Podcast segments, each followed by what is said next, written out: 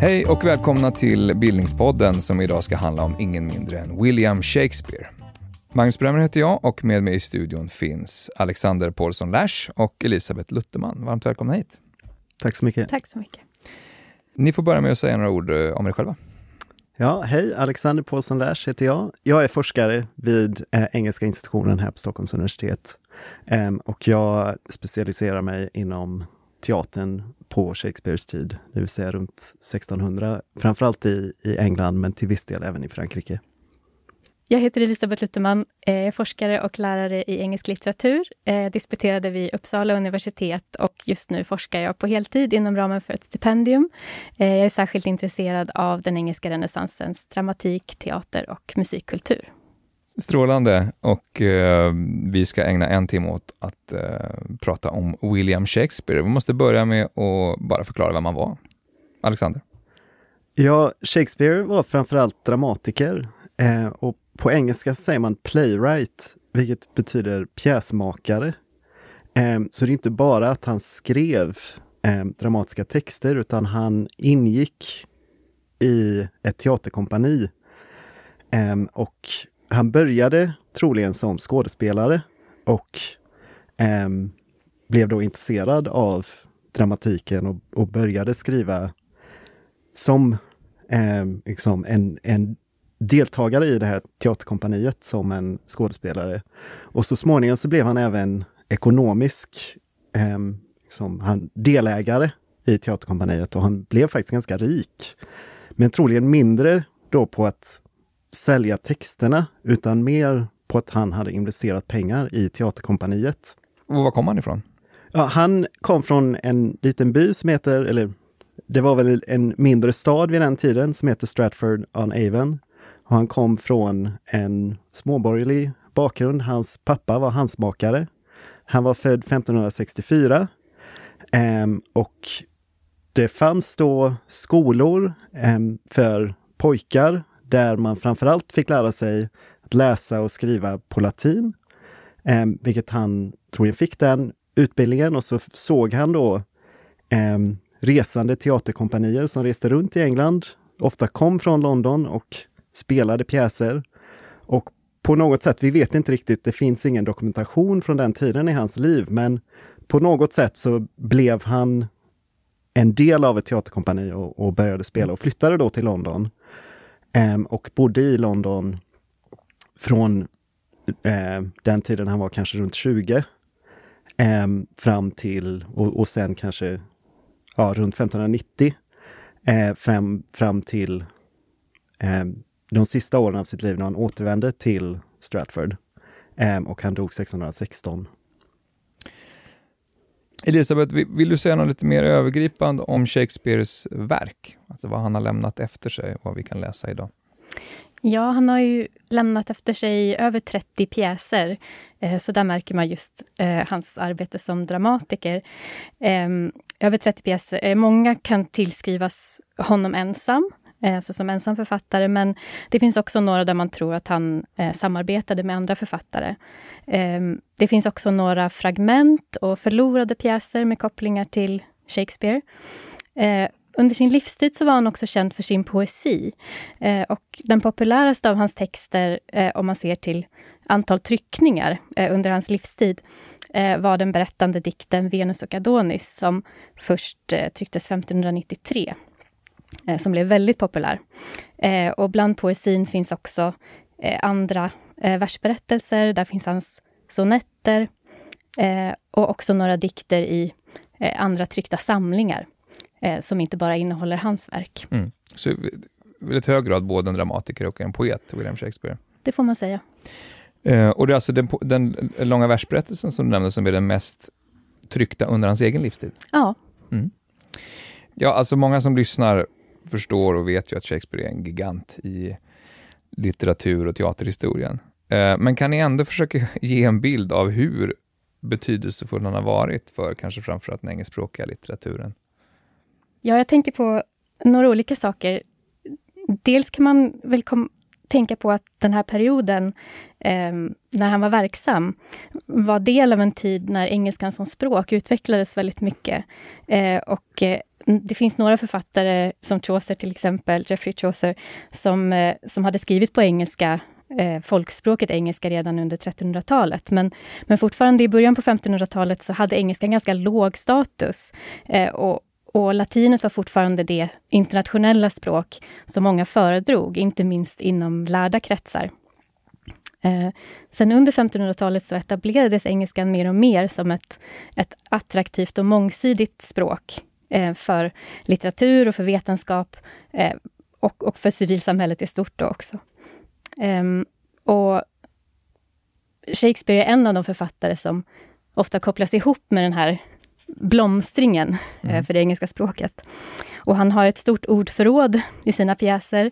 Eh, och man hittar också den första förekomsten av eh, ganska många ord och ordformer i just Shakespeares pjäser. Och en del av de orden eh, tänker man också att han då kan ha myntat eller varit mm. den som först använde. Eh, och en del av de orden använder vi fortfarande väldigt regelbundet i dagligt engelskt mm. tal. Har du exempel? Eh, ja, några av dem som förekommer som man inte vet mm. om det finns tidigare belägg för då, till exempel eh, downstairs, mm. eh, manager, traditional. Eh, och det, här, det fortgår ju forskning kring det här då. Ibland mm. så dyker det upp kanske tidigare väldigt, belägg. Väldigt konkret betydelse för den engelskspråkiga litteraturen i det fallet. På det sättet. Och vi använder också många uttryck och fraser fortfarande som har sitt ursprung i Shakespeares pjäser. Eh, to break the ice, till exempel. Ja, eh, What's done is done. Eh, too much of a good thing. Det finns många såna här mm. eh, fraser som, eh, ja, som vi kanske inte alltid tänker på, kommer mm. från, från Shakespeare. Så, så på det sättet har han haft ett ett varaktigt inflytande på det engelska språket. Mm. kan man säga. Vad säger du Alexander? Um, jag skulle säga att mycket av Shakespeares framgång på ett sätt historiskt, alltså efter sin tid, har ju också att göra med att han som dramatiker um, kan fortsätta att spelas. Um, och så var fallet från liksom stunden han slutade skriva pjäser och när han dog, att Hans kompani fortsatte att spela hans pjäser. Um, sen skulle jag säga att under 1600-talet och kanske 100 år efter hans död så var han liksom en av ett antal pjäsförfattare från hans generation som spelades mycket. Um, men så småningom, framförallt på 1700-talet, så blev han liksom den nationella poeten och den nationella dramatikern. Och inom den engelska teatern så var det väl från eh, framförallt 1700-talet så blev han liksom den stora författaren som spelades liksom på engelsk, engelska scener eh, i stort sett jämt och hans pjäser blev liksom en del av populärkulturen ganska tidigt. Eh, och sen har det ju spritt sig. Han är väl fortfarande liksom spelas nu på scener över hela världen. Mm.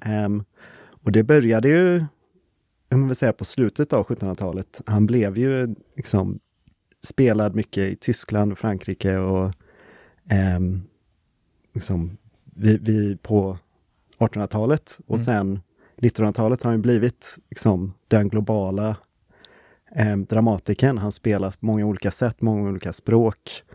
Och jag tror att hans pjäser, de är formbara man kan göra om dem på så många olika sätt. Det finns så många olika möjligheter. De har blivit som myter som eh, folk kan göra vad de vill med mm. nästan.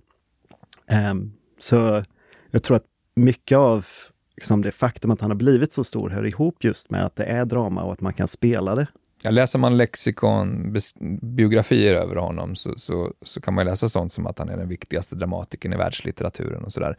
Eh, ofta stora ord. Men det finns också många myter kring den här personen. Vilka är de vanligaste? Ja, den som man hör oftast, det är ju den här idén om att Shakespeare själv, personen som var född i Stratford och blev skådespelare, inte skulle ha skrivit de här pjäserna, utan att det skulle ha varit någon annan. Mm. Um, och jag tror att det... Är det rimligt? Är det eh, nej, alltså det, det, är ju inte alls rimligt. Um, och jag tror att många av oss som är forskare, vi känner en irritation inför detta, för de som eh, mest ihärdigt har hävdat att så här skulle vara fallet presenterar sig ofta som antielitister.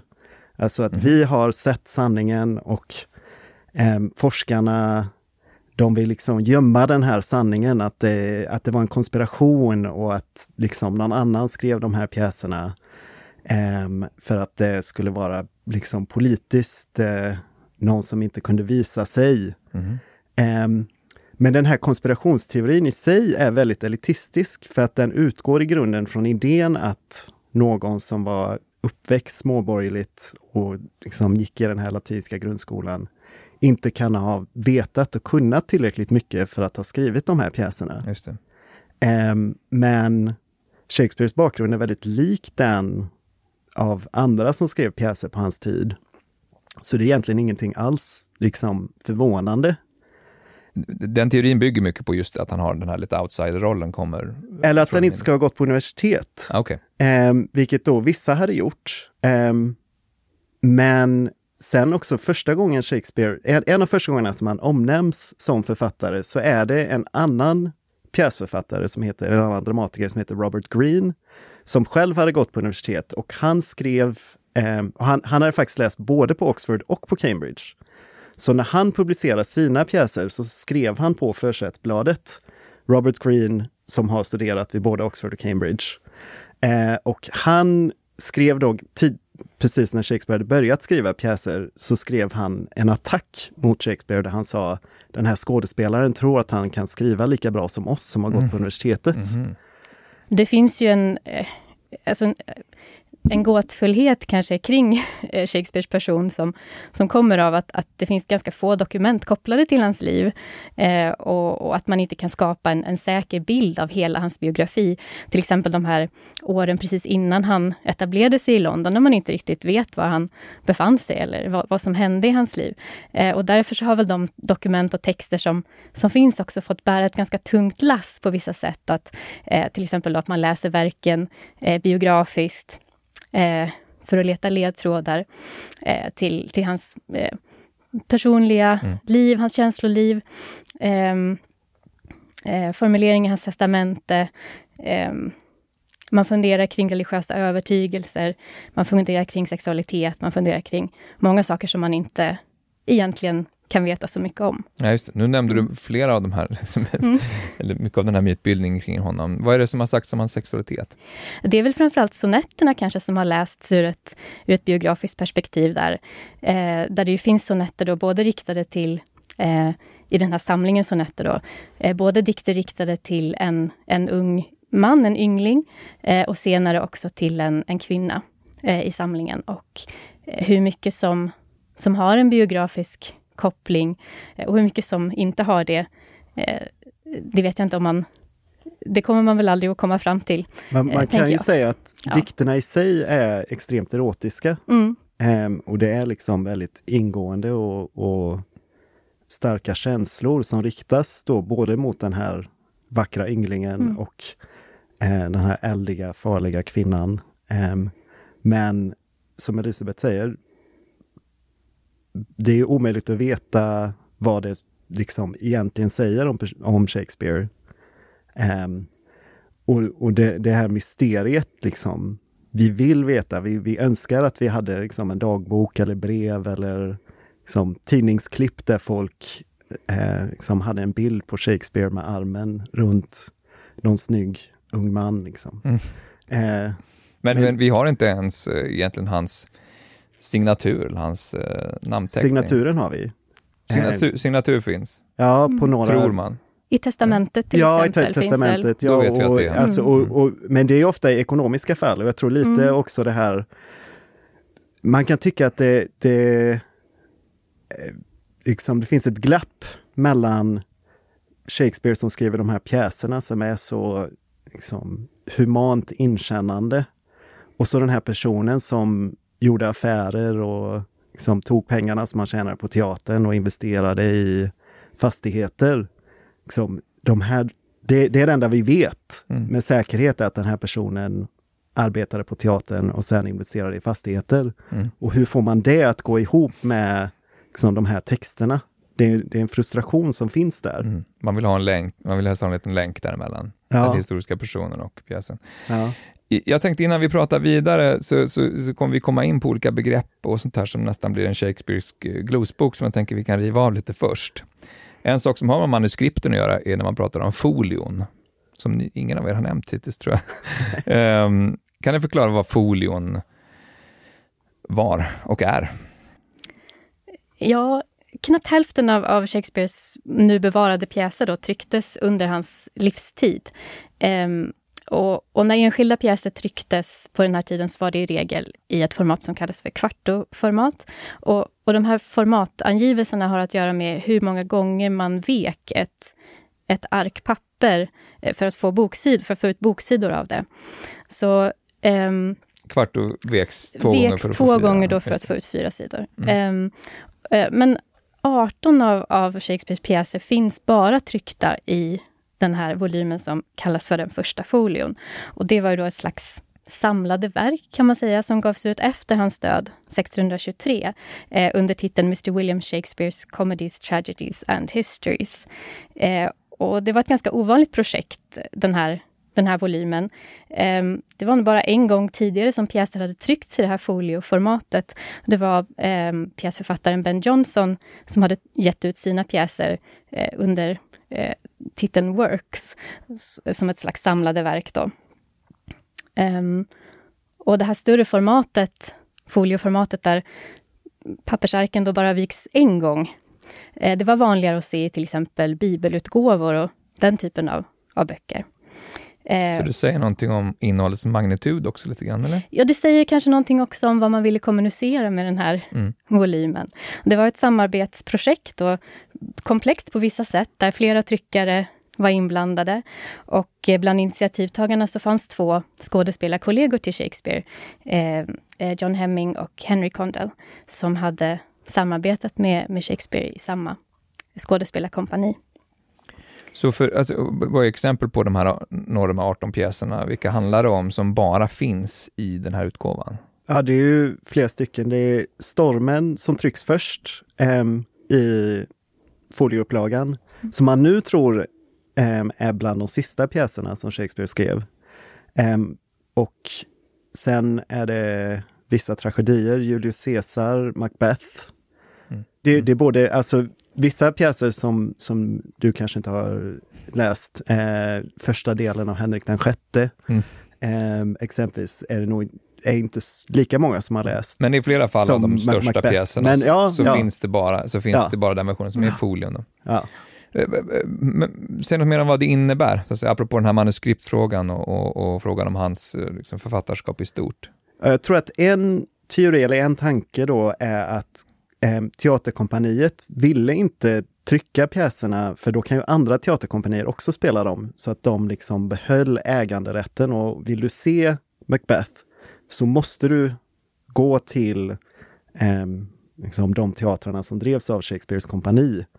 Eh, det var enda sättet att se dem. Men att då, det här var ju sju år efter Shakespeares död. Ehm, så Shakespeare var inte själv inblandad i det här projektet, Mm. utan det var ju hans kompani. Och då blev det ett sätt för dem att visa att nu förstår alla efter Shakespeares liv att han är den stora dramatikern liksom, de senaste 30 åren. Och liksom, vi är de som spelar de rätta versionerna. Mm. Ehm, så de har liksom sparat på det och nu om du vill läsa Macbeth så måste du köpa det här storverket med alla pjäserna. Du kan inte bara köpa en, en enkel variant av Macbeth.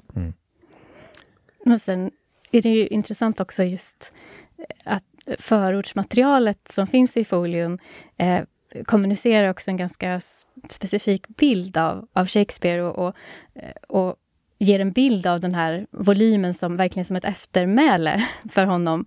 Eh, och, och, och det finns både brev till, det finns brev till mecenater, det finns ett brev till läsarna. Eh, det finns flera dikter om Shakespeare och hans, och hans verk, eller hans författarskap. Eh, och, och en av de tematiska trådarna som löper genom det där materialet eh, är hur, hur den här tryckta boken blir något slags kärl för, för Shakespeares eh, sinne, hans tankar. Eh, också hur den ger honom något slags fortsatt liv. Um, och Ben Jonson, som var en av dem som skrev eh, dikter till det här förordsmaterialet, eh, beskriver just det här att, att boken fungerar som ett, som ett sätt att hålla Shakespeare levande. Mm. Thou art a monument without a tomb, and art alive still while thy book doth live, and we have wits to read and praise to give. Det blir som ett slags... Eh, och så länge boken finns och så länge läsare läser så kommer också Shakespeare att leva vidare. Och det är väldigt likt eh, det, den typ av bildspråk som, som finns i många av Shakespeares egna sonetter. Mm. Um, så det förmodligen är ett monument över dess författare och, eh, och nästan en förlängning av honom själv? Och någonting som har varit med och format bilden av honom eh, under senare århundraden också mm. kanske. Men för de andra pjäserna eh, finns det kvartutgåvor som du nämnde, men det finns inga manuskript egentligen. Det finns inga och inga brev eller någonting annat som kan Nej. antyda vad, vad, Shakespeare har brottats med i skrivandeprocessen. Eller så. Nej, det som vi har är de tryckta texterna. Mm. Um, och det innebär ju också att um, liksom när vi läser Shakespeare så har ju det gått igenom eh, både teatern men också genom tryckerierna. Eh, så det är ju det är liksom en enorm in, industri för detta. Om man går till ett universitetsbibliotek så finns det ju hur många upplagor som helst eh, av varje Shakespeare-pjäs. För man måste ju då gå igenom och, och det blir ju väldigt komplicerat i fall som Kung Lear eller Hamlet där det finns olika versioner då, alltså där kvartoversionerna som trycktes har skillnader mot mm. folioversionerna som trycktes. Så att, Finns det någon som har företräde då? I folion alltså, så att säga? Ja, ja mm. det, det, det bråkas enormt om detta. eh, och det har, det har det gjort i 300 år nu mm. och, och liksom, det fortsätter och det skrivs långa akademiska artiklar mm. där liksom man har en forskare som anklagar den andra forskaren för att vara helt idiot för att han vill liksom sätta den här versionen, tycker är, är, har företräde eller inte. Vi ska fördjupa oss i, i, i Hamlet lite senare, kanske ja. vi kan gå in lite i de frågorna också. Um, när det gäller eh, just hans teaterkarriär så, så kan man höra talas om uh, The Globe eller kanske om The King's Men. Ja. Kan ni förklara vad de två sakerna var? Ja, så The Globe um, var det stora, eh, den stora teatern eh, som ju har blivit väldigt känd för att man byggde en rekonstruktion av den. 1996 öppnade den i London och där man fortfarande kan gå och se Shakespeares pjäser spelas. Eh, den kallas ibland, den rekonstruerade Globen kallas ibland för den tredje Globen. För mm. eh, den första byggdes 1599 och den brann sedan ner eh, under ett framförande av en Shakespeare-pjäs där de eh, smällde av fyrverkerier. Och fyrverkerierna fick, eh, eh, taket var i halm och halmen började brinna och huset brann ner. Och då byggde de den andra Globen då, mm. eh, 1613. Eh, och man hade tidigare, hade hans kompani spelat i en teater som helt enkelt hette The Theatre. Eh, vilket då var, nu är ju det liksom standardordet för en teater. Det är ju samma på svenska och engelska. Um, men det var ett ganska ovanligt ord. Man sa oftare playhouse, um, pjäshus. Mm. Um, och ordet teater var klassiskt, det grek, kommer från grekiskan och betyder en plats för åskådning. så att där då man hade sedan 1576 spelat en byggnad som hette The Theatre. Eh, och Teaterkompaniet ägde byggnaden, men de ägde inte marken som byggnaden stod på. Så därför så fick man 1599 eh, riva huset mm. och flytta det till en ny plats. Och när man då byggde om teatern så fick den då nya namnet The Globe. För, för sitt utseende eller för något annat skäl? Ja, för att den var rund. Mm.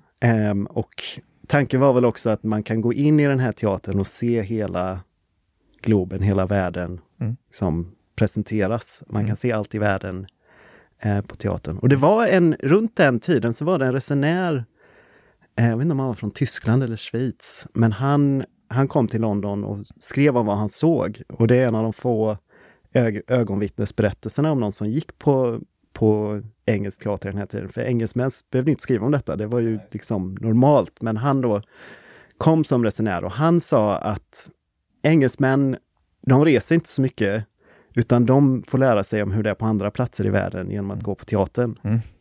Okej, okay. och det här är en viktig källa till rekonstruktionen också kanske? Ja, ja mm. precis. För, mm. ja, det är sådana källor som man använder. Uh, The King's Men då, Elisabeth?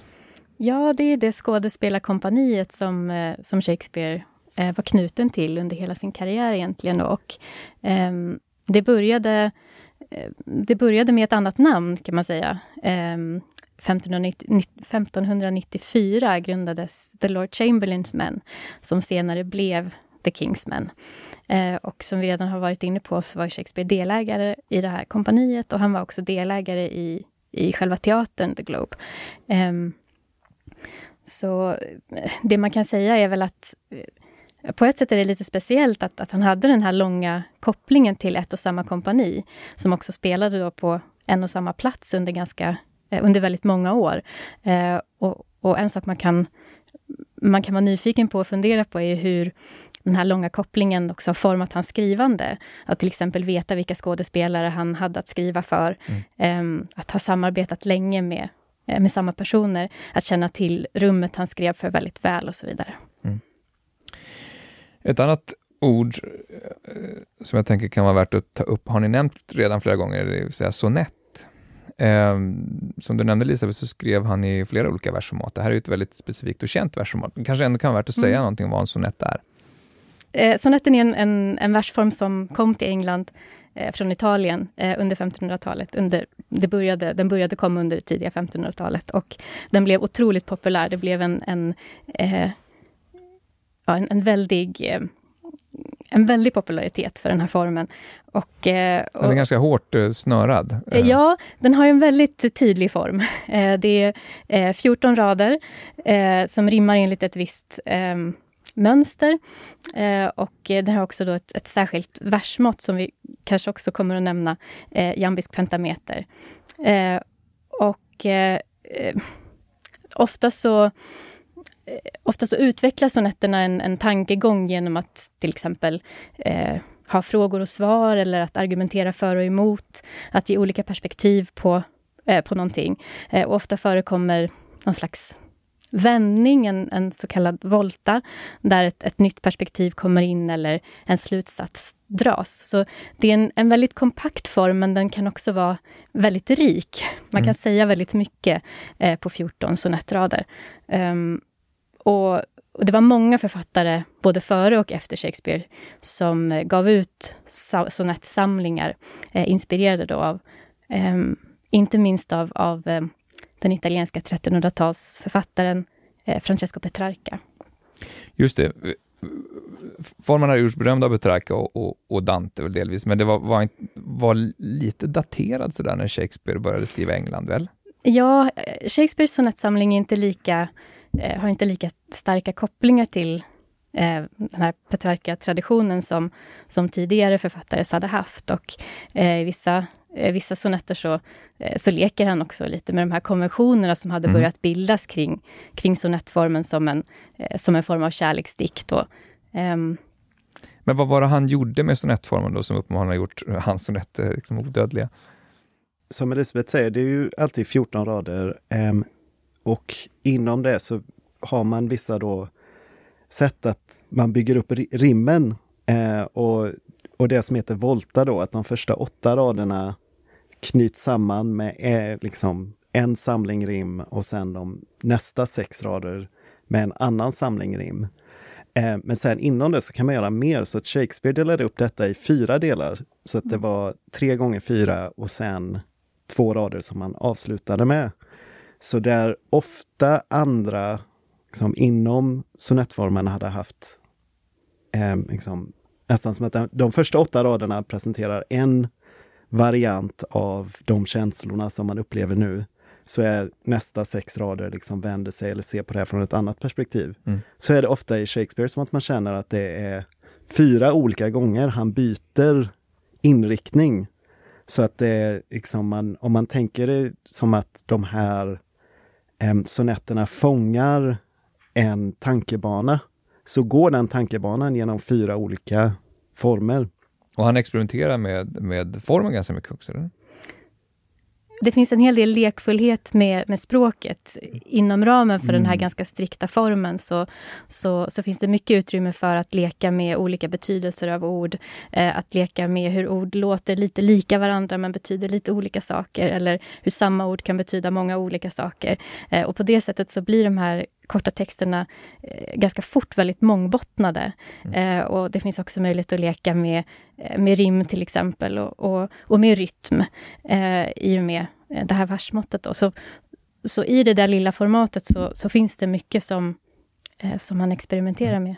Mm. När, när ungefär i tid i hans karriär så att säga, skrevs de här sonetterna?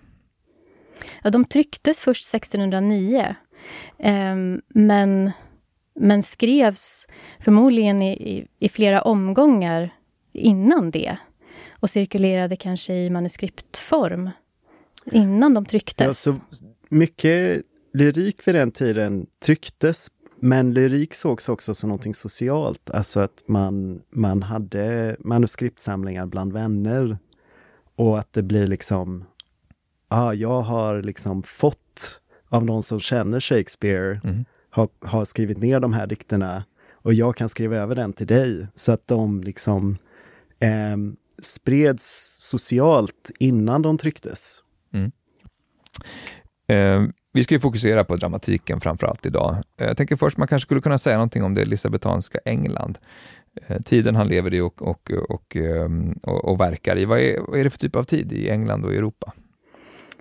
Det är på många sätt en turbulent tid och också en dynamisk tid. Eh, religiöst, politiskt, socialt, ibland också ekonomiskt. Ehm, eh, det är ju en ganska osäker och oviss tid för, för på många sätt eh, under den, protestant, den protestantiska reformationen och den katolska motreformationen. Eh, eh, tronföljden i England har varit lite rörig. Eh, när Elisabet den första ehm, eh, kröns så Eh, så är det fortfarande många som, som ifrågasätter hennes legitimitet. Och eh, det finns en konflikt till exempel med, eh, med Spanien som så småningom och som kulminerar kanske 1588 då med när den spanska armadan kommer till Englands kust. Ehm, och den här turbulensen försvinner ju inte bara över en natt, så att säga. Ehm, och det finns, det finns fortsatta politiska och religiösa spänningar under Elisabeth den förstas regeringstid så, så fortsätter också en, man säga, en slags centraliseringsprocess där mm. mer och mer makt samlas vid hovet. Eh, och det här har ju också en, ett... Eh, det gör också skillnad för, för kulturen och kan man väl säga också för att hovet då blir en plats där, eh, där mycket samlas. Mm. Eh. Och jag tror att den här centraliseringen och att allting samlas kring hovet, det har ju en direkt effekt på Shakespeares karriär. Så som sagt då, hans, då? hans teaterkompani får ju så småningom heta The Kingsmen. Um, och det är ju då efter drottning Elizabeth dör så blir hennes kusin, som redan är kung i Skottland, James, han blir då även kung i England och blir James den första i England. Um, och under James så börjar hovet direkt att sponsra eh, det som då hade hetat Lord Chamberlains Men. Men även tidigare eh, under Elisabeth så hade, eh, så hade eh, de här teaterkompanierna spelat inte bara i teatrarna i London, alltså, som Globen, utan även... ja. Det låter lite roligt när du ja, säger det så. Ja, ja. Tänk på vad som står i Stockholm. Ja, ja. Fast den heter ju inte så längre. Så. Nej, just det. Nej, det är sant. Um, um, men de spelar ju um, även vid hovet, framförallt kring nyårsfesterna. Uh, då var det liksom, uh, det pågick festligheter under flera veckor och då bjöd man in olika teaterkompanier att spela för drottningen och för hovet och sen senare då för kungen King James. Eh, och exempelvis vid eh, bröllop när kung James dotter gifte sig med prinsen av Böhmen. Eh, då spelades flera Shakespeare-pjäser. Eh, så att det liksom var ju en del, delvis så fick de betalt för att spela, men ännu mer så fick de ju en prestige som hjälpte dem sen då att sälja biljetter på sin teater. Att liksom folk gick på teatern och visste den här pjäsen har spelats för kungen. Mm. Okay, Eller för drottningen. Just det. Om man skulle zooma in lite på Globen och, eh, och ja. teaterupplevelsen vid den här tiden. Har man varit där i, i, i den rekonstruerade Globe-teatern så vet man att det är, är, är en utomhusteater. Ja. Eh, lite mer nästan rockkonsertkänsla med, med ståplats och, eh, ja. och, och läktare och så. Ja, eh, men beskriv lite grann te teaterupplevelsen vid den här tiden. Ja, vad ska man säga? Ett... Det har vi mycket att säga. Ja, det finns mycket att säga. Alltså, eh, man kan säga att ett teaterbesök eh, var en upplevelse som, som skulle tala till eh, många sinnen. Um, så i och med eh, hur teaterbyggnaden var utformad, att man hade en sån här uh, utskjutande scen som kallas för thrust stage, um, som liksom sköt ut i, i auditoriet där publiken fanns. Mm. Så, så, Också lite som en tunga på en ja, konsert. så omslöt ju publiken scenen då på tre sidor. Uh, en del av den stående publiken kom väldigt nära scenen uh, och, och höjdledes då så hade man ju Eh, tre gallerier, så det, så det fanns också både åskådare i, precis i skådespelarnas, eh, alltså under ögonhöjd, i ögonhöjd och, och ovanför ögonhöjd. Um, publiken kunde då i det här utrymmet få eh, visuella spektakel genom eh, kostymer, fäktningsscener, en del specialeffekter som man kunde... Fyrverk, de ödesdigra fyrverkerierna har du ja. just det. Ja. Um, men det var också väldigt viktigt att lyssna eh, på teatern och man gick både för att se och för att höra eh, pjäser. Eh, sikten och vinkeln då blir ju inte densamma eh, från alla platser eh, i det här auditoriet. Mm. Eh, man använde inte kulisser, eh, man spelade i dagsljus på eftermiddagarna och det var ju ett gemensamt ljus då i hela, i hela teatern, så det fanns ingen särskild scenbelysning. Ehm, och I det så blir språket väldigt viktigt då för att måla en, tydlig och livlig bild av eh, till exempel var och när en scen utspelade sig. Är det natt? Är det dag? Är det en skog? är det, är det en, en, eh, en festsal? Är det en... Och så vidare.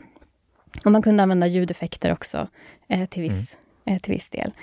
Um, och här är också då eh, musik en del av den, eh, det man hör när man går på teatern. allt från trumpetfanfarer och, och signaler eh, till kanske dansmusik och olika typer av sånger.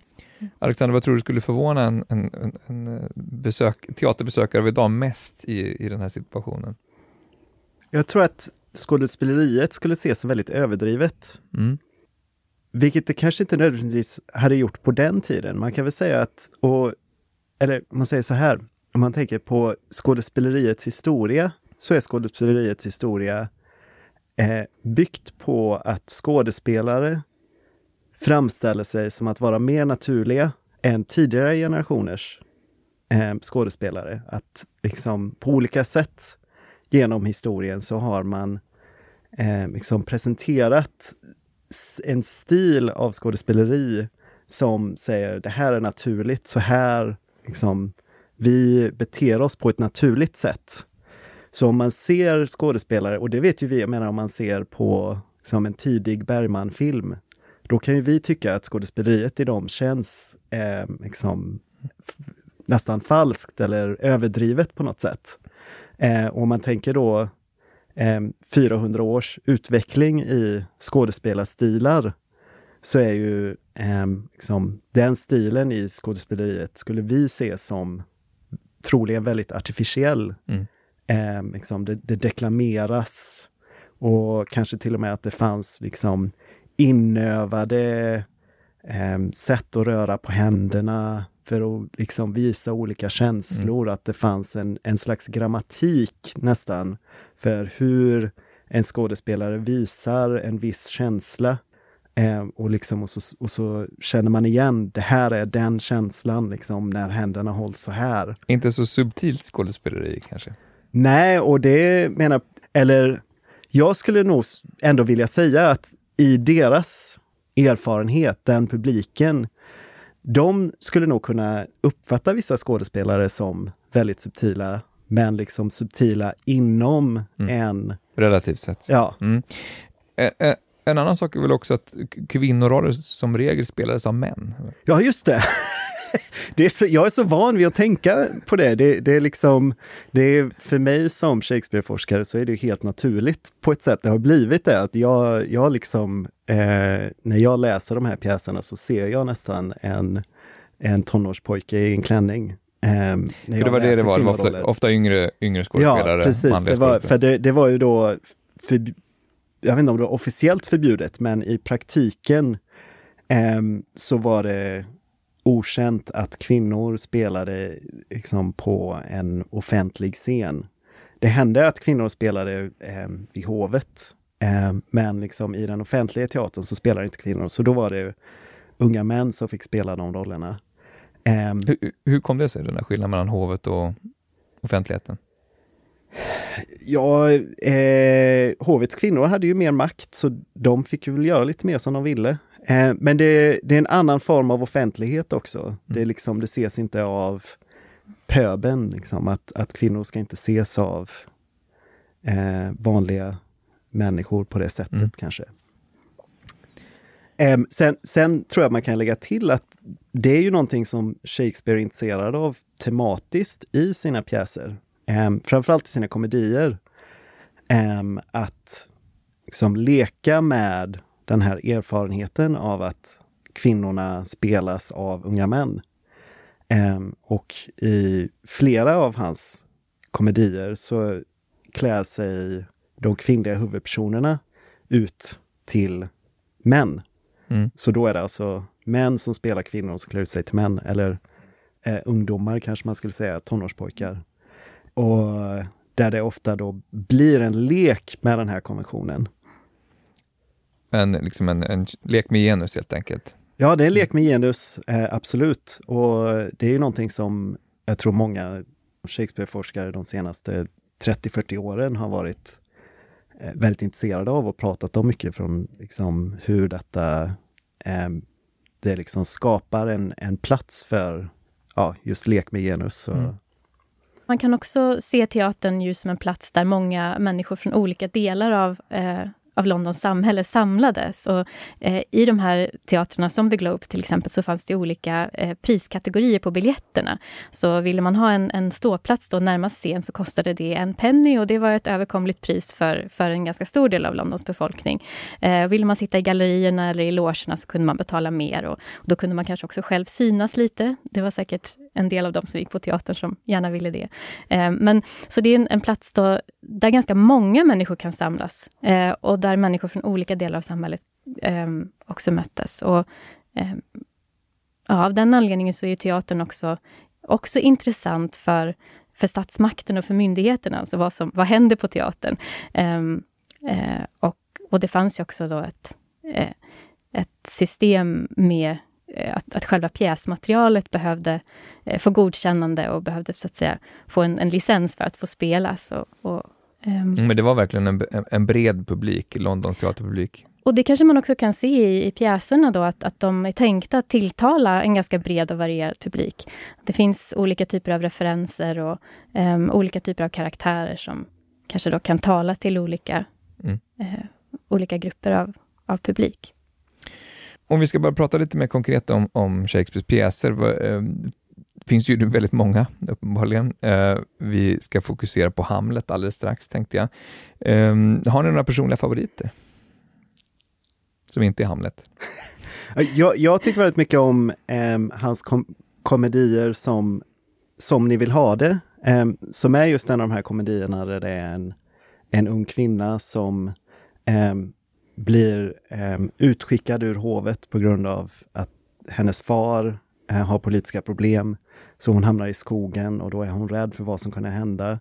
Så då klär hon upp sig till en ung man. Eh, och så är det då en annan ung man som, är, som hon är kär i. Eh, och han är kär i henne.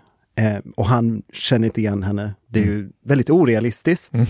Ehm, ehm, men då träffas de i den här skogen och han börjar fråga henne, hur ska jag göra för att vinna över den här kvinnan som jag är förälskad i, som är hon själv. Och hon instruerar honom i hur hon vill att han ska vara som hennes framtida mm. älskare. Um, så det är just det här lekfullheten um, som jag tror alltid finns där. Jag tror att Shakespeare, han är så liksom knuten till just teatern och känslan av att vi, vi spelar alla roller. Och den pjäsen innehåller ju också en, ett väldigt känt tal om att hela världen är en scen och vi lever hela vårt liv som i en teater. Um, så det blir liksom en, en idé om att hela vår identitet är liksom knuten till våra sociala roller. Mm. Men sen så vill man hitta vad är det äkta inom den sociala rollen? Och hur hör detta ihop med genus? Hur hör det ihop med, med kärlek? Och det andra som jag vill lägga till är också att när man börjar läsa en, en pjäs som det som, som, som ni vill ha det noga, så märker man att det finns ändå väldigt mycket mörker i den. Och till och med den här hjältinnan då, Rosalind som hon heter, hon kan ibland vara ganska elak mot dem som hon träffar i skogen. Och liksom att Shakespeare låter inte någon vara liksom helt älskvärd eller helt... Mm. Eh, liksom, det, det, finns alltid eh, den här mångbottnade mm. eh, kvaliteten ehm, hos liksom, de karaktärerna som man möter. Det finns ju många saker att ta fasta på i det du sa just nu, men det, är det bara apropå genre, apropå att det är en komedi och ja. det här mångbottnade, är det så att det alltid är väldigt tydligt en komedi och en tragedi, eller finns det hybridpjäser också? Ja, det finns ju, Ehm, jag tror det, det är ju ett sätt att beskriva liksom vad som är intressant och spännande med Shakespeare, skulle man kunna säga, är just det här att eh, tragedierna har ofta komiska roller och att det finns ett mörker i komedierna. Um, och det är, skulle jag säga är någonting som låg i hela hans liksom, teaterkulturen. Um, han är ju, eller man, man, man pratar om hur då mot slutet av hans karriär så skrev han ett antal pjäser som väldigt tydligt liksom blandar de här genrerna. Um, bland annat en vintersaga där i stort sett första halvan av, en pjä eh, av pjäsen är en tragedi och den andra halvan av pjäsen är en komedi som utspelar sig 16 år senare. Så att i, i mitten av pjäsen så kommer eh, tiden representerad som en, eh, en liksom någon som håller ett tidsur av något slag och säger nu har det gått 16 år och så blir det en komedi där det som hände i den tragiska första halvan liksom blir upplöst, men inte helt. Men det intresset för att blanda komedi och tragedi var också någonting som kom in i den engelska teatern med en yngre generation eh, dramatiker, framförallt då en som heter John Fletcher. Och Shakespeares sista pjäser skrev han faktiskt ihop med John Fletcher, mm. eh, som sen liksom tog över och blev den stora. Och John Fletcher var framförallt känd för att skriva tragikomedier. Mm. Så, mm. pjäser som började, det verkar som att det kommer bli en komedi, men, eller en tragedi. Men så till slut så löser sig allt ändå. Mm. Eh, okay. och liksom att det, att det kan gå åt olika riktningar mm. och så. Så att det, det, är någonting som också låg i tiden. Mm. Elisabeth, har du någon, någon favoritpjäs som också kanske kan säga något om Shakespeare som dramatiker i stort? Eh, ja, nej, jag håller med om, om eh, det finns mycket i, i, komedierna som... Eh, men jag, jag, hade nog tänkt nämna just eh, de här senaste, de sena pjäserna, En vintersaga, Stormen också, kanske som Ja, dels ur, ur formsynpunkt kanske har lite andra, eh, alltså le, leker med, med form på, på eh, sätt som de tidigare pjäserna inte, eh, inte riktigt har gjort. Och som tematiskt också på något sätt kanske har någonting gemensamt med varandra. Det finns ett slags utforskande där av eh, både av, av, olika typer av familjedynamik eh, men också av teman som, eh, som förlåtelse och försoning och, och, hur, hur kan man nå den här punkten då där man kan komma vidare eller, mm. Eh, eller komma vidare från någonting som har hänt i det förflutna. Det så ehm, så de, ehm, de är intressanta på många sätt, de, mm. de här eh, sista pjäserna. Eller sena pjäserna, ska jag säga. Det här med hänvisningar till teatern i själva pjäsen. Mm. Så du nämner ett exempel på en Alexander, det finns ju också i Hamlet en teaterpjäs i pjäsen. Mm. Är det någonting som skiljer ut Shakespeare från, från samtida uh, Nej. pjäsförfattare? Nej, Nej det, var, det är jättevanligt.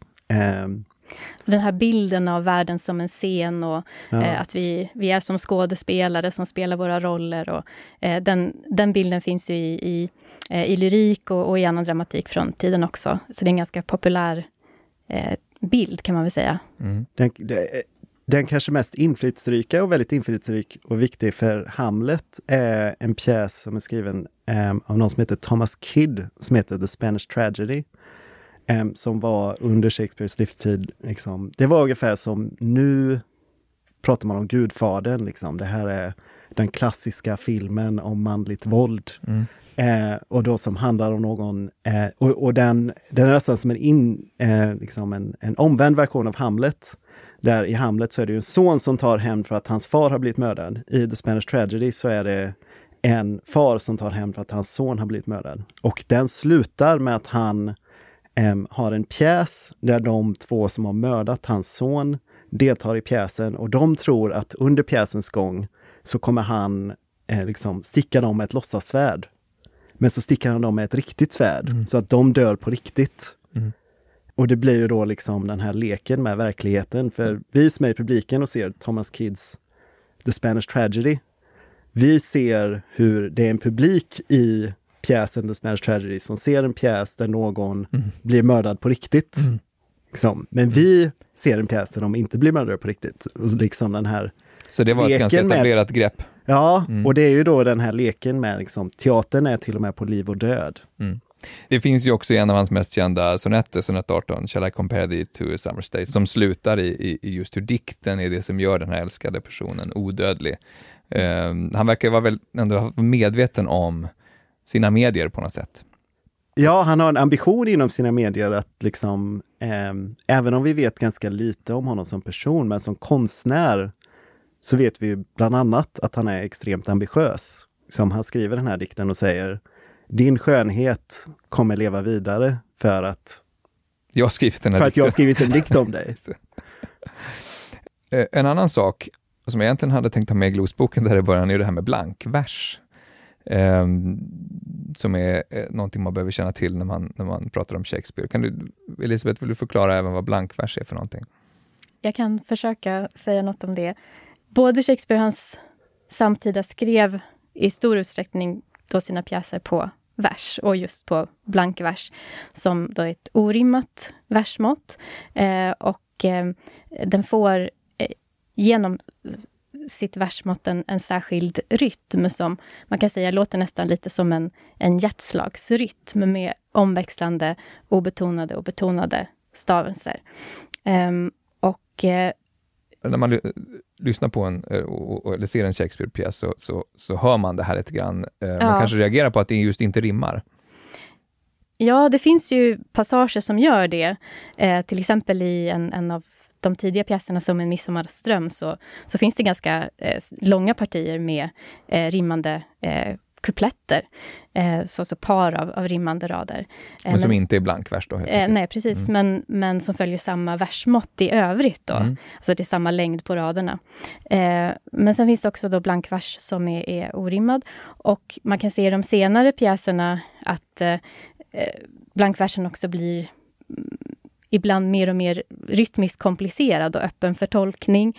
Eh, man ser exempel på att eh, meningar och satser sträcker sig över radbrytningarna i versen till exempel. Eh, och ehm, det, blankversen blir ett verktyg också för att ehm, förmedla känslostämningar. Eh, rytmen kan, att bryta rytmen kan också vara ett sätt att dra uppmärksamhet till vissa ord ehm, i en rad. Och så så att, uh, det blir som en del av, av uh, uttrycksmöjligheterna, mm. kan man kanske säga. Visst är det också så att i, på vissa ställen så, så, så kommer lite prosa in, det vill säga att det inte är vers alls. I vilka situationer kan det vara? Och vad vill, vad vill Shakespeare visa med, med, med att bryta versen? På Ofta är det ju de mer komiska figurerna. Eller, och på eng I engelskan på den tiden så var ordet clown, som vi nu bara tänker oss har att göra med liksom, en komisk, en, en rolig figur betydde också en enkel person från landet. Um, så att det var liksom enklare personer ofta talade inte i, i vers och att det var liksom ett, ja, ett enklare, mer rättframt Mm. språk och att det inte känns lika formellt. Just clownen hos Shakespeare kan man faktiskt läsa en essä om på anekdot.se. Historikern Peter K. Andersson skriver om clownrollen i Shakespeares kompanier. Men är det också, eh, det kan också vara galenskap? Eh, pr- prosan.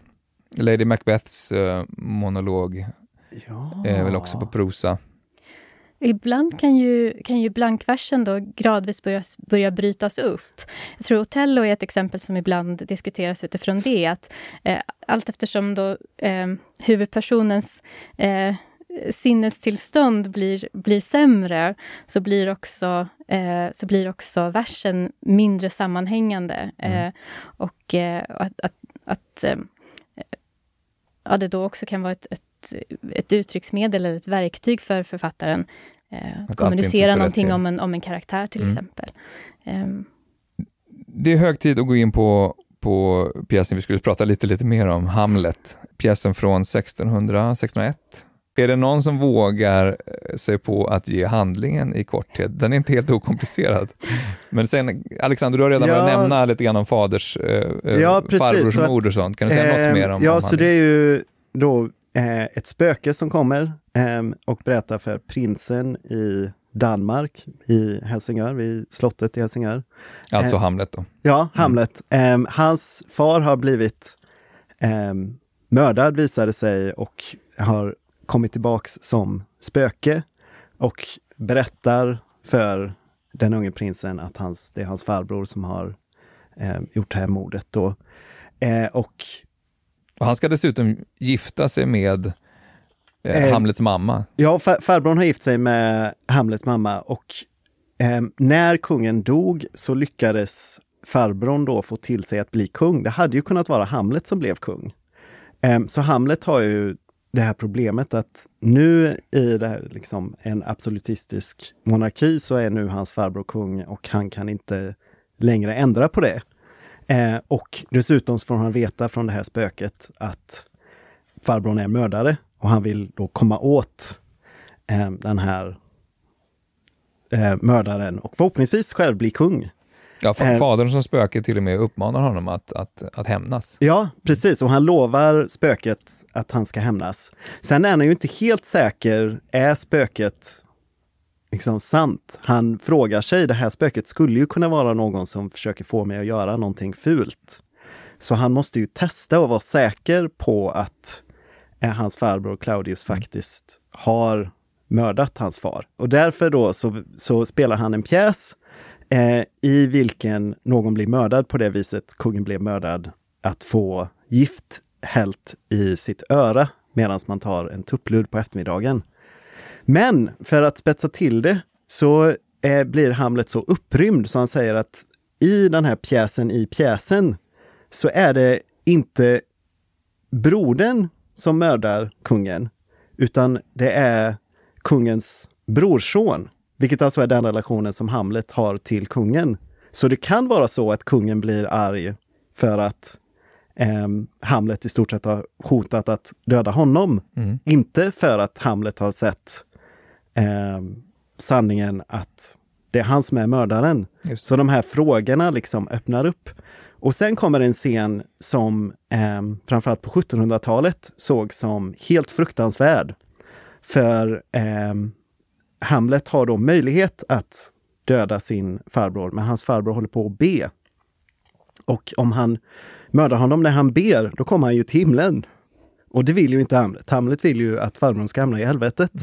Så eh, detta sågs ju då som väldigt liksom aggressivt. Och sen av misstag så ehm, dödar Hamlet istället sin flickväns pappa. Eh, och då blir hon galen och hon antingen drunknar, eller hon drunknar och det är lite oklart om hon liksom tar självmord eller om hon eh, drunknar av misstag. Ehm, Det är och- Ofelia. Ja, det är Ofelia.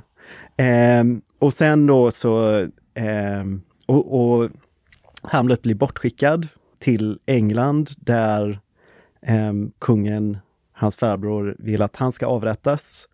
Ehm, men det kommer pirater Det här tycker jag är väldigt roligt, att det är pirater med i Hamlet. Eh, det kommer... De kommer väldigt lägligt. Ja, de kommer väldigt lägligt och stoppar det här skeppet och Hamlet blir vän med piraterna och åker tillbaks till Danmark där eh, alla dör i stort sett. Mm. Alla mördar varandra. Han, han, han får sin hämnd men blir Ja, han får sin hämnd, eh, Mm. men han, han dör själv och hans mor dör också. Och... Det är gift i, i både vin och på spjutspetsar, Ja, på precis. svärdspetsar. Precis. Och så. Ehm, vad vet vi om, om, om, om förlaget till den här pjäsen? Ja, det finns en berättelse om, om Hamlet eh, eh, i eh, en medeltida krönika om Danmarks historia, eh, författad av eh, Saxo Grammaticus. Eh, det är alltså, då är vi någonstans på andra hälften av 1100-talet ungefär. Eh, och den trycktes för första gången, eh, den här texten, i, Paris 1514. Och eh, en fransk eh, författare, François de Belforet, han omarbetade den här berättelsen på franska och inkluderade den i eh, sin volym Tragiska historier eller tragiska berättelser, Histoire tragique, eh, 1570. Och, och det är ju möjliga, eh, det är då en, en möjlig eh, källa. Hur säker är man på att Shakespeare kände till Eh, den? Man vet inte riktigt på vilken väg den här berättelsen nådde honom. Det finns också en tidigare engelsk pjäs med titeln Hamlet som nu eh, har gått förlorad.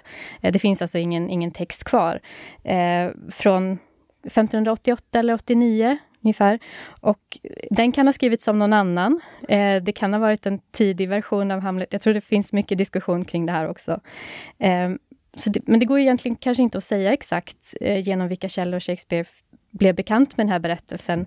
Eller exakt vilket förhållandet är mellan den här förlorade eh, tidigaste Hamlet och de tre tryckta versioner då av, av Shakespeares Hamlet som, som finns. Hur, hur vanligt var det annars att han, att han använde sig av eh, förlagor, alltså av, av redan kända historier? sådär? De, de flesta av hans pjäser följer någon tidigare historia. Han var inte någon nödvändigtvis som alltid ville liksom drömma upp och komma på en helt ny historia, utan ofta så använde han eh, liksom sagor eller till och med tidigare pjäser och skrev liksom sin egen version. Ehm, och dessutom så skrev han ju ofta också om historia. Alltså han skrev pjäser om både romersk historia men också engelska monarker. Det finns ju massa pjäser om engelska monarker. Och då finns det historiska bakgrunder. Och då är det ju historiska bakgrunder han använder. Ehm, det, är väl, det är väl Shakespeares längsta pjäs också, ehm, ja, i, i, ja, i, i sin fulla då- version. I sin fulla version, ja. Och innehåller, som du nämnde, den här, den här egentligen flera monologer av Hamnet som är ikoniska. Han grubblar över, över döden, dödlighet och ja. över död och, och, och hämnd och så vidare. Eh, hur kommer det sig att den grubblande Hamlet generellt, men kanske också just de här raderna, har blivit så ikoniska? Vad skulle du säga, Elisabeth? Ja, ja, ja men som, du, som du sa, pjäsen innehåller ju flera passager där, där Hamlet reflekterar över vad det innebär att vara människa och varför vi lever och, och hur fort livet passerar och, och också hur vi alla är lika i döden. Och det är ett tema som är väldigt starkt i, i den här dödgrävarscenen i, i den sista akten också, fast ur ett lite annat perspektiv. Um, det är väl egentligen jag vet inte, en anledning till att jag har, blivit, att den har fått såna vingar, kanske är att i den här korta frasen så, så inrymmer eh, Hamlet och den här karaktären liksom, kanske den största existentiella frågan vi, vi ställer oss egentligen. Alltså varför, varför finns vi? Eh, varför lever jag? Att, att finnas eller inte, att, att, att leva eller inte. Eh, var finns mening och, Mm. eh, och, och, och ja, en, en stor existentiell fråga inkapslad i en, en väldigt eh, kort och koncis eh, fras. Sen tror jag också just det här när han håller upp skallen, det är ju ehm, den skallen som han håller upp är um, gycklaren från ehm, hovet som han kände när han var barn. Så det blir då också en reflektion kring hur döden um, liksom för ihop alla Mm. klasser. Mm. Så det, det blir väldigt politiskt också, för, för en stor del av frågan är liksom att eh, Claudius farbrorn har blivit kung orättfärdigt och att Hamlet borde vara kung. Det här är liksom hans rike. Han är ju liksom kungens son. Han var prinsen. Ehm, så han borde ha makt, nu har han inte det och då börjar han fundera liksom, men har liksom, makten någon, någon, något, riktigt värde utöver um, liksom, för, för, oss som individer, som personer? Mm. Vi kommer ju alla bli såna här skallar mm. och liksom gycklaren vid hovet ser ju likadan ut eh, liksom under köttet som jag gör. Vi, vi, vi är samma under. Så att det är både, som Elisabeth säger, den här liksom filosofiska, liksom livet och döden, um, Gud och, och, finns det någonting efter livet? Men i den här To be or not to be så, frågar, så, så säger han att döden är det oupptäckta landet. Liksom, vi vet inte om vi kommer till himlen, är det sant liksom? För ingen har kommit tillbaks och berättat för oss hur det är efter döden. Så det är det här filosofiska. Men det filosofiska hör ihop med ett, liksom en, en politisk erfarenhet. Liksom, vad är skillnaden oss emellan som människor? Mm. Du, du, nämnde såna här bevingade, bevingade rader tidigt i samtalet, Elisabeth. Här finns ju onekligen väldigt många, även, även i svensk översättning, så där, eftertankens kranka blekhet och ur ledetiden och, och så. Um, innehåller Hamlet ovanligt många av de här one-linersen? Det vet jag inte om det är ovanligt många, men det är ju absolut sådana uttryck som, som har fått ett eget liv. Det är ett mm. bra exempel på eh, just det här språkliga inflytandet, eller den språkliga lång... Eh, hur, hur pjäserna har blivit språkligt långlivade mm. eh, eh utanför teatern. Vad tycker ni själva är mest intressant med, med Hamlet som pjäs? Så det som jag har tänkt på mycket det senaste och som jag tror Shakespeare-forskningen generellt och också när jag har sett den spelats, någonting som börjar komma upp, är att man har kanske rört sig bort lite från den här idén om den grumblande, grubblande Hamlet som liksom en, en djup och filosofisk person och börjat märka i den här texten så finns det så mycket mer att eh, och delvis att, att Hamlet, när han börjar spela den här, eh, liksom, han är galen um, och liksom vill, um, för att testa hur de andra är runt omkring honom, så blir han oerhört elak. Framförallt då mot Ofelia. Ehm, och, att det, eh, och mot sin mor eh, mot sina skolkam gamla skolkamrater som kommer, eh, Rosenkrantz och Guildenstern. Eh, som han faktiskt, hans, i stort sett mördar dem i kallt blod för att de går med på att hjälpa kungen. Um, och att det liksom runt Hamlet finns så många andra och att Shakespeare är också väldigt intresserad av alla andras perspektiv. Liksom, han vill visa hur det är en hel värld runt honom. Att det inte bara liksom Hamlet själv, utan att Hamlet finns i en väldigt rik och komplex värld där liksom hans grubblerier liksom stöter upp mot eh, och är i konflikt med de andra perspektiven. Mm. Det är också intressant att tänka sig en, en monolog som To be or not to be-monologen till exempel.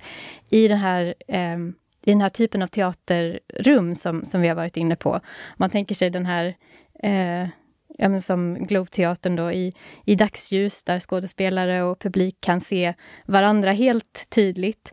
Så blir också de, de, de frågeställningar och de problem som, som monologerna eh, kanske särskilt lyfter blir ju ingenting som, som den här skådespelaren eller karaktären ställer sig i, i, i isolering, utan det blir också frågor som, som publiken blir på något sätt inblandad i och mm. inbjuden att, att ta del av och, och fundera på eh, och ta ställning till kanske. Mm. Eh, så, så där, eh, där är själva de materiella förutsättningarna på teatern också kanske en intressant sak eh, att tänka på. Eh, ja. När man funderar på hur, vilka, vad får de här orden för, för genomslagskraft eller vilken, eh, vilken typ av tankar kan de ge upphov till? Och texten är väldigt intresserad av just den frågan kring hur man liksom blir eh, affekterad av teatern. Så det är inte bara då scenen där själva pjäsen spelas upp och Hamlet liksom har den här frågan kring varför kungen svarar så som han gör, utan det är en tidigare scen där eh, han träffar det här teaterkompaniet som ska spela hans pjäs. Och han ber dem eh, att spela en liten bit från Vergilius eh, som handlar om Trojas fall precis när Troja föll och eh, drottningen av Troja, det här är från eh, Eniden, eh, när de återberättar den stunden då. Modern, drottningen av Troja, hon ser sin man bli av, liksom avrättad mm. och hon känner sorg.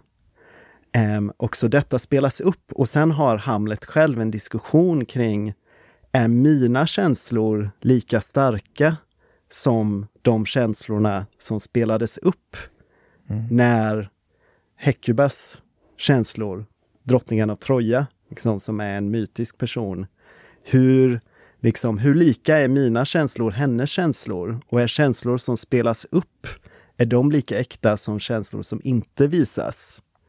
Det är Så, verkligen en undersökning av det mänskliga psyket ja, på något sätt i den här pjäsen. Ja, men också hur psyket liksom eh, ter sig som en del av ett, ett sammanhang, ett socialt, ett politiskt, men också ett estetiskt sammanhang. Mm. Det blir en väldig kontrast att tänka sig den här öppna utomhusscenen på eftermiddagen. Eh, om man tänker på filmatisering och uppsättning av Hamlet som ofta är väldigt mörka och det är Laurence Oliviers film som kanske är mest kända som är i stort sett bara skuggor och rök och, och, och svärta. Mm. Liksom. Någonting som också är intressant är ju om man tänker på källor och, och material som, eh, som Shakespeare eh, tog in i sina pjäser så, eh, så finns ju också eh, till exempel eh, sånger bland det materialet. Och det finns ju i Hamlet eh, en del referenser till, till sångmaterial som redan var tryckt. till exempel i den här eh, dödgrävarscenen eh, när, när eh, skallen, eh, hovnarens skalle kommer upp ur jorden där så, så, så sjunger dödgrävaren en sång medan han, mm. han gräver och det är då en, en, en sång som redan fanns eh, en text som redan fanns tryckt i en tidigare källa, där den version som finns i pjäsen då eh, bygger väldigt tydligt på, det finns tydliga kopplingar, eh, men där också vissa saker är lite, Eh, lite ändrade, några ord här och där. Eh, och, och, bara vissa verser finns med och så. Um, som gör att den fungerar väldigt bra i det dramatiska sammanhanget, men den kan ju potentiellt då också väcka associationer för publikmedlemmar som kanske, kanske kände till den här andra, tidigare, längre versionen. Eh, så det är kanske ett exempel på hur pjäserna ofta är som de är ofta som, som stora nätverk av referenser. Um, mm. referenser till andra pjäser, till andra texter, till berättelser och, och så som, som publiken um, kunde tänkas känna till. Mm. Vi eh, börjar närma oss slutet också av samtalet, men innan vi slutar tänkte jag att eh, ni kunde få säga någonting till lyssnaren som, som har blivit eh, inspirerad av att lyssna på det här, vill lära sig mer om Shakespeare. Eller, eh, har ni några tips på vad man kan titta på eller läsa eller uppleva på annat sätt eh, för att lära sig mer? Elisabeth? Det finns så mycket så det är svårt att veta var man ska börja någonstans. Om man är nyfiken på själva pjäserna eh, så finns det Um, både på Globe Teaterns webbplats och uh, Royal Shakespeare Companys webbplats. Uh, ganska mycket material uh, kring själva pjäserna. Man kan läsa sammanfattade handlingar, man kan fördjupa sig i olika scener.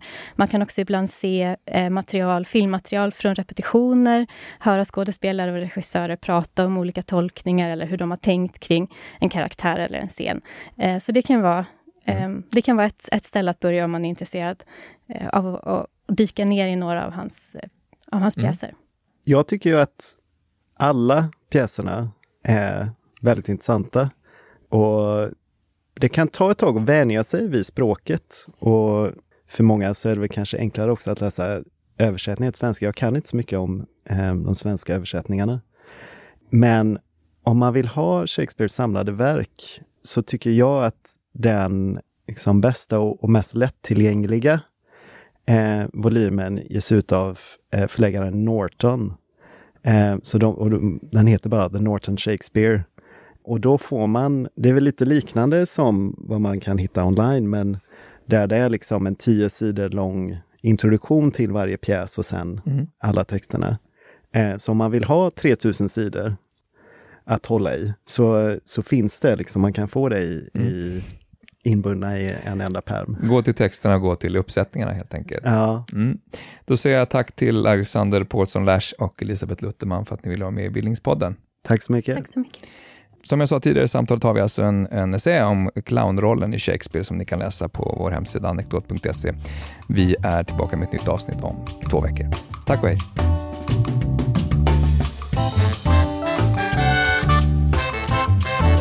Du har lyssnat på Bildningspodden, en del av bildningsmagasinet Anekdot. Fler poddar, filmer och essäer hittar du på anekdot.se.